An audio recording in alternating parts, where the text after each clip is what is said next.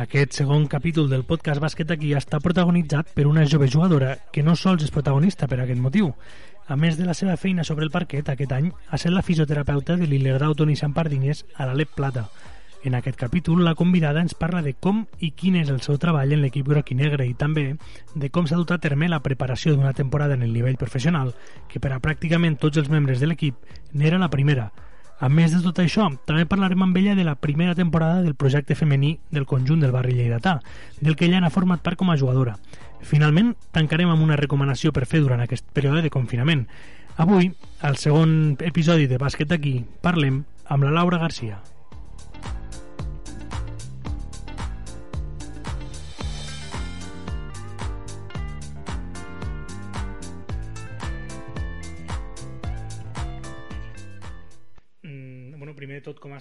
Passant aquesta, aquesta quarantena? Bon dia. Bon dia. Bueno, doncs aquí estem, no? Eh, buscant una mica de feines i entreteniments per passar aquestes setmanes eh, inesperades i, i bé, al final eh, una mica crear una, alguna rutina no? eh, una mica personal eh, que inclou doncs, eh, fer una mica d'exercici físic, cosa que no s'ha de, de perdre. Per exemple, al matí faig una mica d'exercici de força i a la tarda doncs, algo més de, de cardio i després també passar una mica temps eh, dedicat a la formació. No?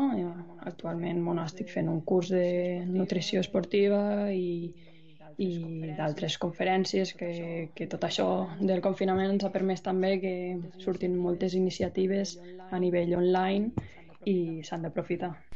Bueno, eh, et comentava abans de començar, de començar a gravar el tema de, de que et parlaria primer com a, com a afició i posteriorment doncs, ja passarem al, al tema com a, com a fisioterapeuta no sé tu com, com arribes, voldria que m'expliquis una mica com comença la teva història, sobretot amb el, amb el Club Bàsquet Pardines, com, com arribes a, a l'estaf del club. Bé, doncs, bueno, a l'estiu se'm, se'm planteja ja aquest nou projecte que està pendent una mica si es puja, no es puja, no?, dins d'aquest conflicte i, i bé, al final se'm planteja l'opció de formar part de l'estat tècnic, de, de fer la posició més de fisioterapeuta i aprofitant no, el, la carrera d'INEF que tinc també per, per fer una mica de, de preparació física ajudant al, al Marc i bé, és una mica dia a dia al final no era res clar fins quasi a l'últim moment però es va anar creant l'equip a l'últim moment, a l'estaf i, i doncs això, una nova experiència a nivell de, del món professional i també a nivell de dins del món del rendiment de, del bàsquet.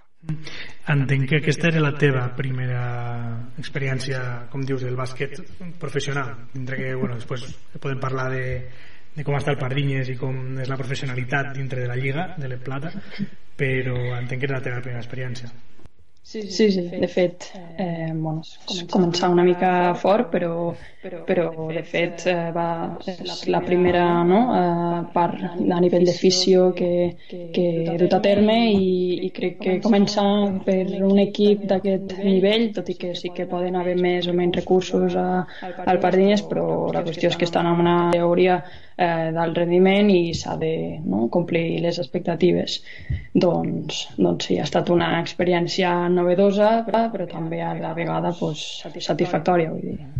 Quan, quan arribes a l'equip, òbviament, doncs, el Pardines li costa una mica fer formar aquest equip eh, final, aquesta plantilla final.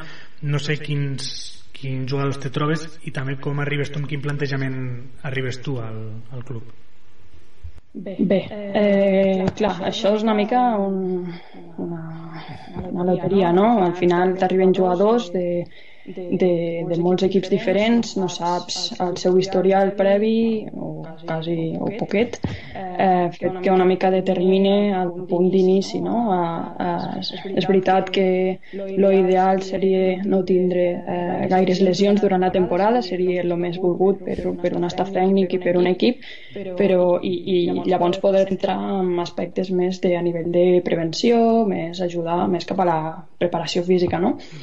Però bueno, malauradament no tot depèn de, de l'esforç o, o el treball que puguis fer a nivell de preparació física, a nivell de quantificació de la càrrega que hem estat duent a terme i tot, sinó que al final és um, també una qüestió d'incertesa i de sort.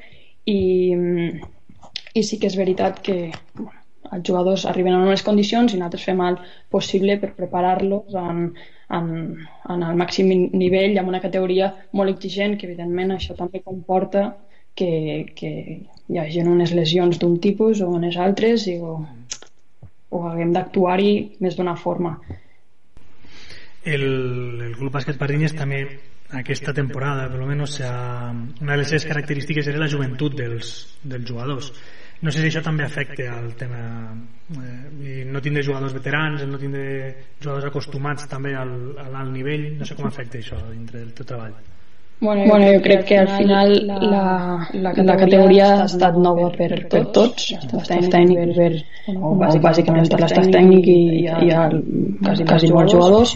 Per tant, al final eh, cadascú, s'adapta en el seu nivell i aporta el que pot aportar des d'on ve. Sí que, sí que és cert que a nivell de preparació física i de, de fisioteràpia el fet, el fet de tindre jugadors joves també es nota a nivell de, de a nivell de, de com estan físicament, no? Són gent eh, que ha tingut menys lesions, segurament, que és més sana, eh, té uns... Bueno, no, últimament, alguns venen d'uns clubs que hi ha una llarga història no? de formació, de, de tracten els jugadors, com per exemple el CAI, i, i sí, sí que és veritat que, que s'ha notat no? aquesta eh, nova eh, experiència per tots. Hem intentat gestionar-ho el millor possible. És, és evident que la falta de recursos i, i d'experiència afecta, però crec que ens hem sortit prou bé amb cols de cols amb l'ajuda de tots.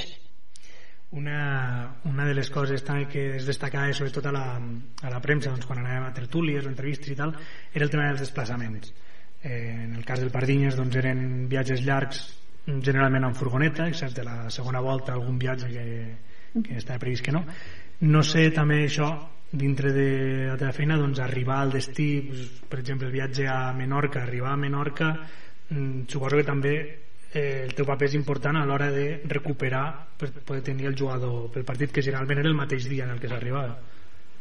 Sí, bé, el fet de fer uns viatges tan llargs doncs, condiciona bastant l'estat en què arriben els jugadors a, a, al partit, no? a la competició i sí que fem un treball previ no? els dies eh, d'abans de, del desplaçament els, més destinat a aquells que estan més tocats però sí que és cert que hi ha jugadors que els, via els viatges els hi comporten una, un, bueno, estan més agarrotats, eh, tenen més eh, problemes físics, no?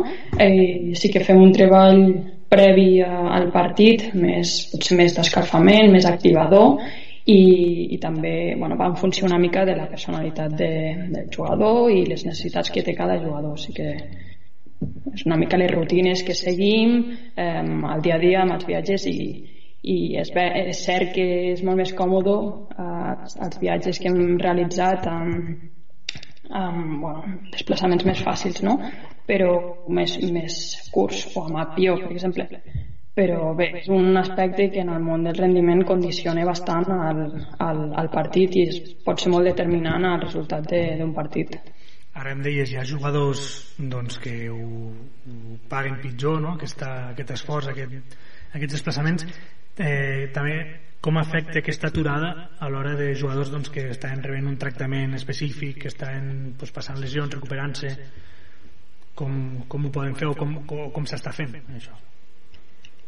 Bé, mm, el problema que preocupa més ara mateix és una mica saber com, com continuarà tot això, no? el que passarà d'aquí uns mesos, si seguirà, si reprendrà, si si s'aturarà tot, si es mirarà ja a llarga vista i la temporada que ve.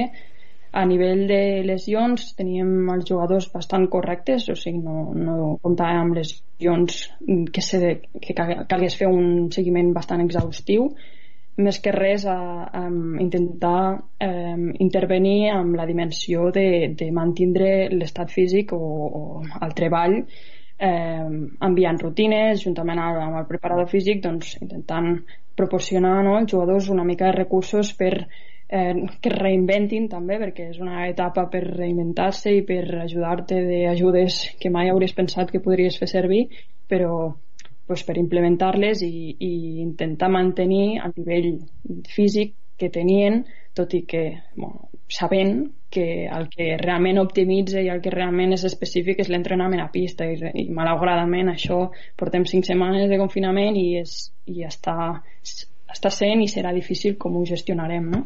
Mm.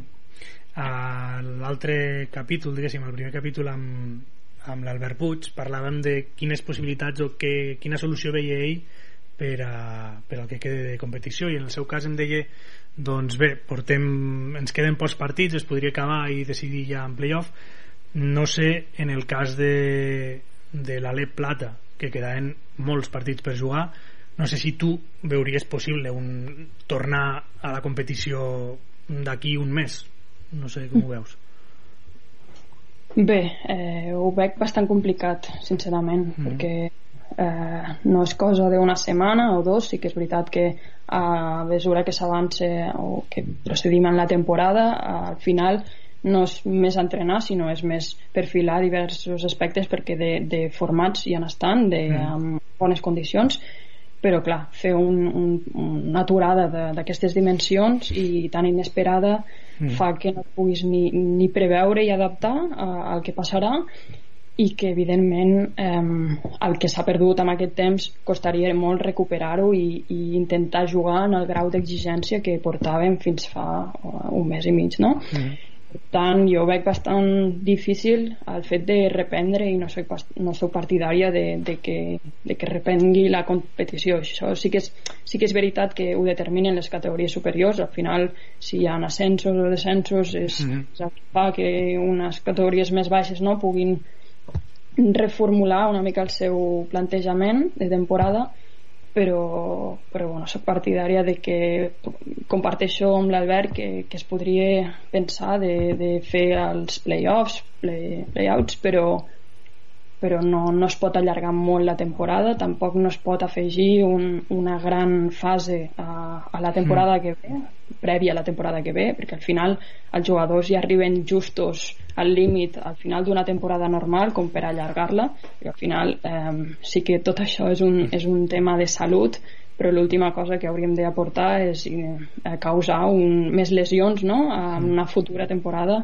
i un altre problema de salut als, als jugadors no? Mm.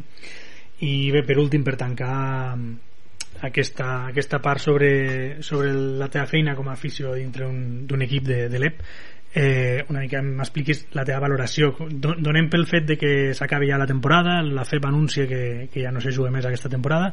Com valoraries tu la teva experiència i a part doncs, la temporada del, del club del Club Bàsquet Pardines? Bueno, amb la primera pregunta evidentment la, la temporada la, la valoro molt positivament, ha estat una experiència molt gratificant a nivell individual i a nivell col·lectiva amb, amb l'equip. Al final es fa un, un club i es fa una pinya que, mm. que és molt important i, i bueno, sí que és veritat que que jo tenia unes expectatives no? entres eh, volent fer una, una feina molt encarada a nivell de prevenció mm. també eh, intentant controlar molts aspectes i com, com bé he dit abans eh, al final les lesions és un, un gran tema que preocupa, no només a, és una preocupació a nivell de l'estaf tècnic, a nivell organitzatiu mm. i, i, i de rendiment, perquè sí que comptem amb una plantilla eh, bastant reduïda, hem comptat durant aquest temps, i això afecta més al, al tema de gestió dels entrenaments, ser suficients per entrenar però també hi ha una part que és molt emocional amb tot això, que emocional a nivell del cos tècnic i a nivell del propi jugador i de l'equip, perquè les lesions són malauradament un dels temes um, uns cops més durs no? per, per un equip perquè perd mm. un, una peça clau durant un temps i a tot el plantejament canvia una mica no?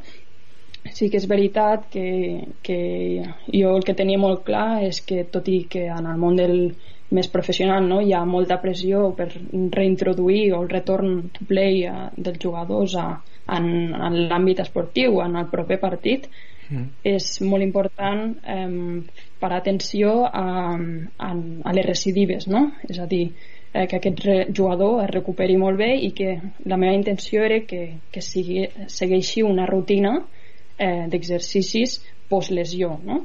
Llavors, per això era una educació, un seguiment bastant exhaustiu de cada jugador un cop mm. havíem superat la lesió per intentar que no, tinguéssim una recurrència, no? final eh, la feina del fisio, tot i que es percep no? com a tractar prepartit, les lesions i tal, eh, al final mm, el més important de tot és ser un bon observador, eh, observar els jugadors dins dels entrenaments, fora dels entrenaments, conèixer-los, saber quan eh, es noten pesats, quan estan, tenen una situació d'estrès que els hi pot afectar i, per mm. exemple, mitjançant el mètode que hem fet servir per quantificar la càrrega ens ha ajudat bastant eh, per controlar una mica l'estat de fatiga que, que tenen els jugadors i poder incidir amb algun i, eh, en el moment més oportú previ a que pogués tindre una, una lesió, per exemple. Mm. Al final són, són recursos, és una mica eh, tot aquest engranatge, anar de la mà amb, amb el preparador físic, amb el cos tècnic i amb els jugadors, ser una mica el nexe d'unió entre uns i altres per, mm. per poder conèixer la màxima informació dels jugadors per eh, analitzar-la una mica i poder actuar quan, quan sigui necessari. Mm. Bé, doncs, bueno, tancada aquesta, aquesta part de la, de la xerrada, passem ara a part de, de fisioterapeuta, doncs, ets jugadora també, eh, jugadora de bàsquet i a més jugues també al, al Club Bàsquet Pardinyes. Primer volia que m'expliquessis una mica doncs, els teus inicis al bàsquet, com comences, on comences, per quins clubs, per quins clubs has passat, no sé, m'expliquis una mica com, com és la teva història dintre del, del bàsquet. Bé, bueno, jo vaig, vaig començar a jugar a bàsquet aquí, a, aquí a Tàrrega, eh, mm. a Club Natació Tàrrega. Fa, vaig estar uns quants anys, eh, fins a segon de batxillerat, que, que vaig decidir anar a jugar al CB Lleida durant mm.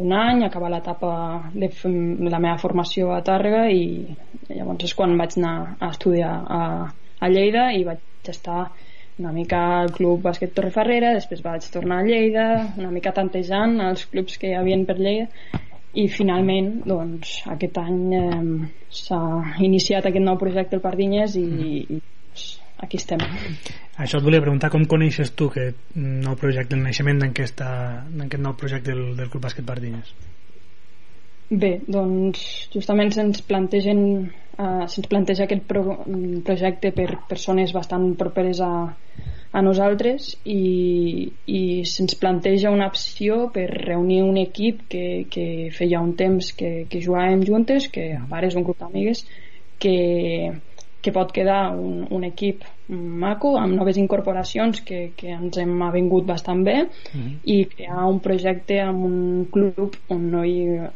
actualment no hi havia una línia femenina, havia estat en un, en un passat i que és molt, mm. molt important doncs avui en dia puguem no, tirar de la corda i intentar crear una base i una formació de bàsquet femení en, en una ciutat com és Lleida no? sí que hi ha un club principal com és el CB Lleida i, i per suposat en qualsevol altre club que es vulgui unir a, a donar la possibilitat a, a crear una línia femenina doncs és benvingut.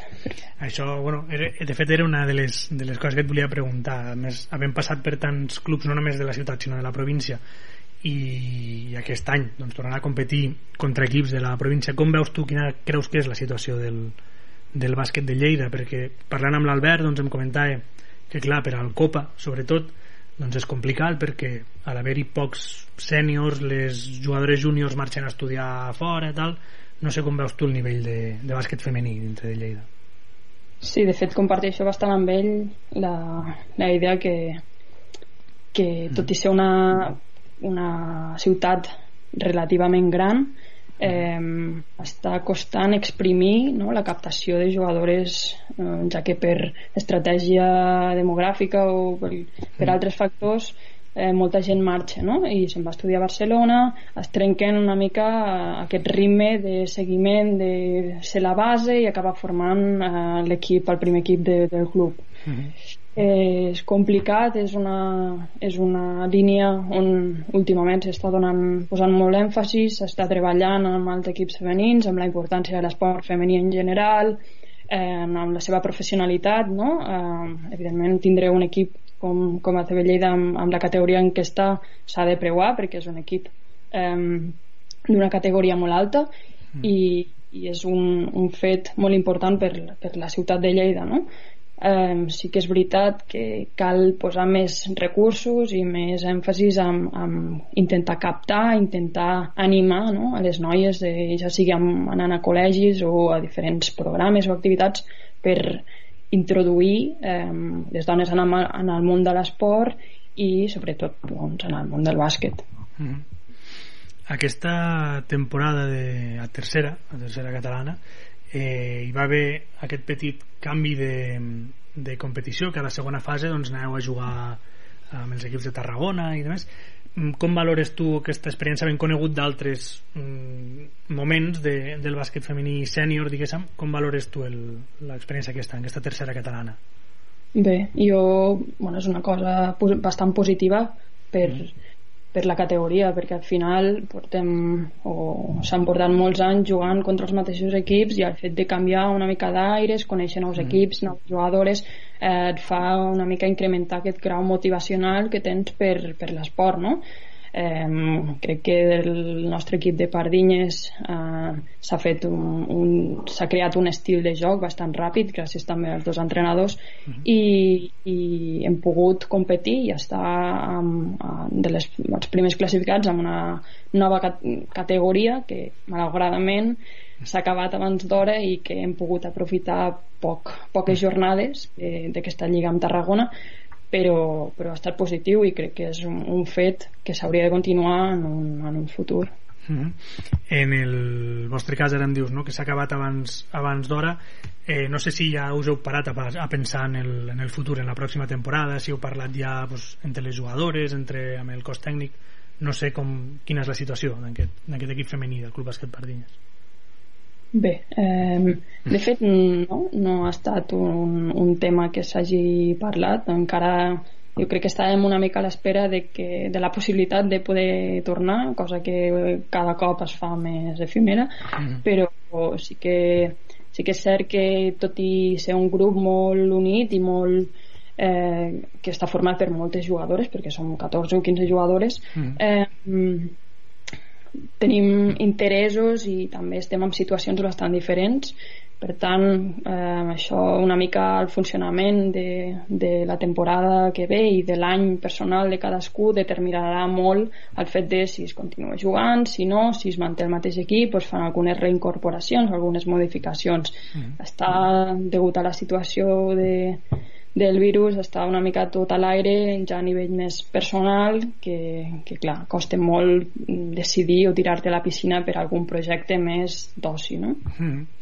i bueno, tot i això mm, et volia preguntar ja per tancar la, l'entrevista eh, la valoració d'aquesta temporada del, la primera temporada del femení del Club Bàsquet Parinyes tant com a equip com, com a estructura de club com has vist el treball de, de tot plegat Bé, jo voldria agrair eh, molt al, al Club Bàsquet Pardines per haver-nos acollit no? I, i per haver eh, engegat aquest nou projecte eh, de la línia femenina. Crec que és molt important que des d'un club se faci aquesta eh, et donin aquest suport i aquesta importància que, aquest valor eh, en el, en, el teu equip no? crec que és algo que totes les jugadores estem molt agraïdes el cos tècnic també i, i per això eh, agraïm moltíssim el fet de que el Pardines ens hagi donat aquesta oportunitat mm -hmm.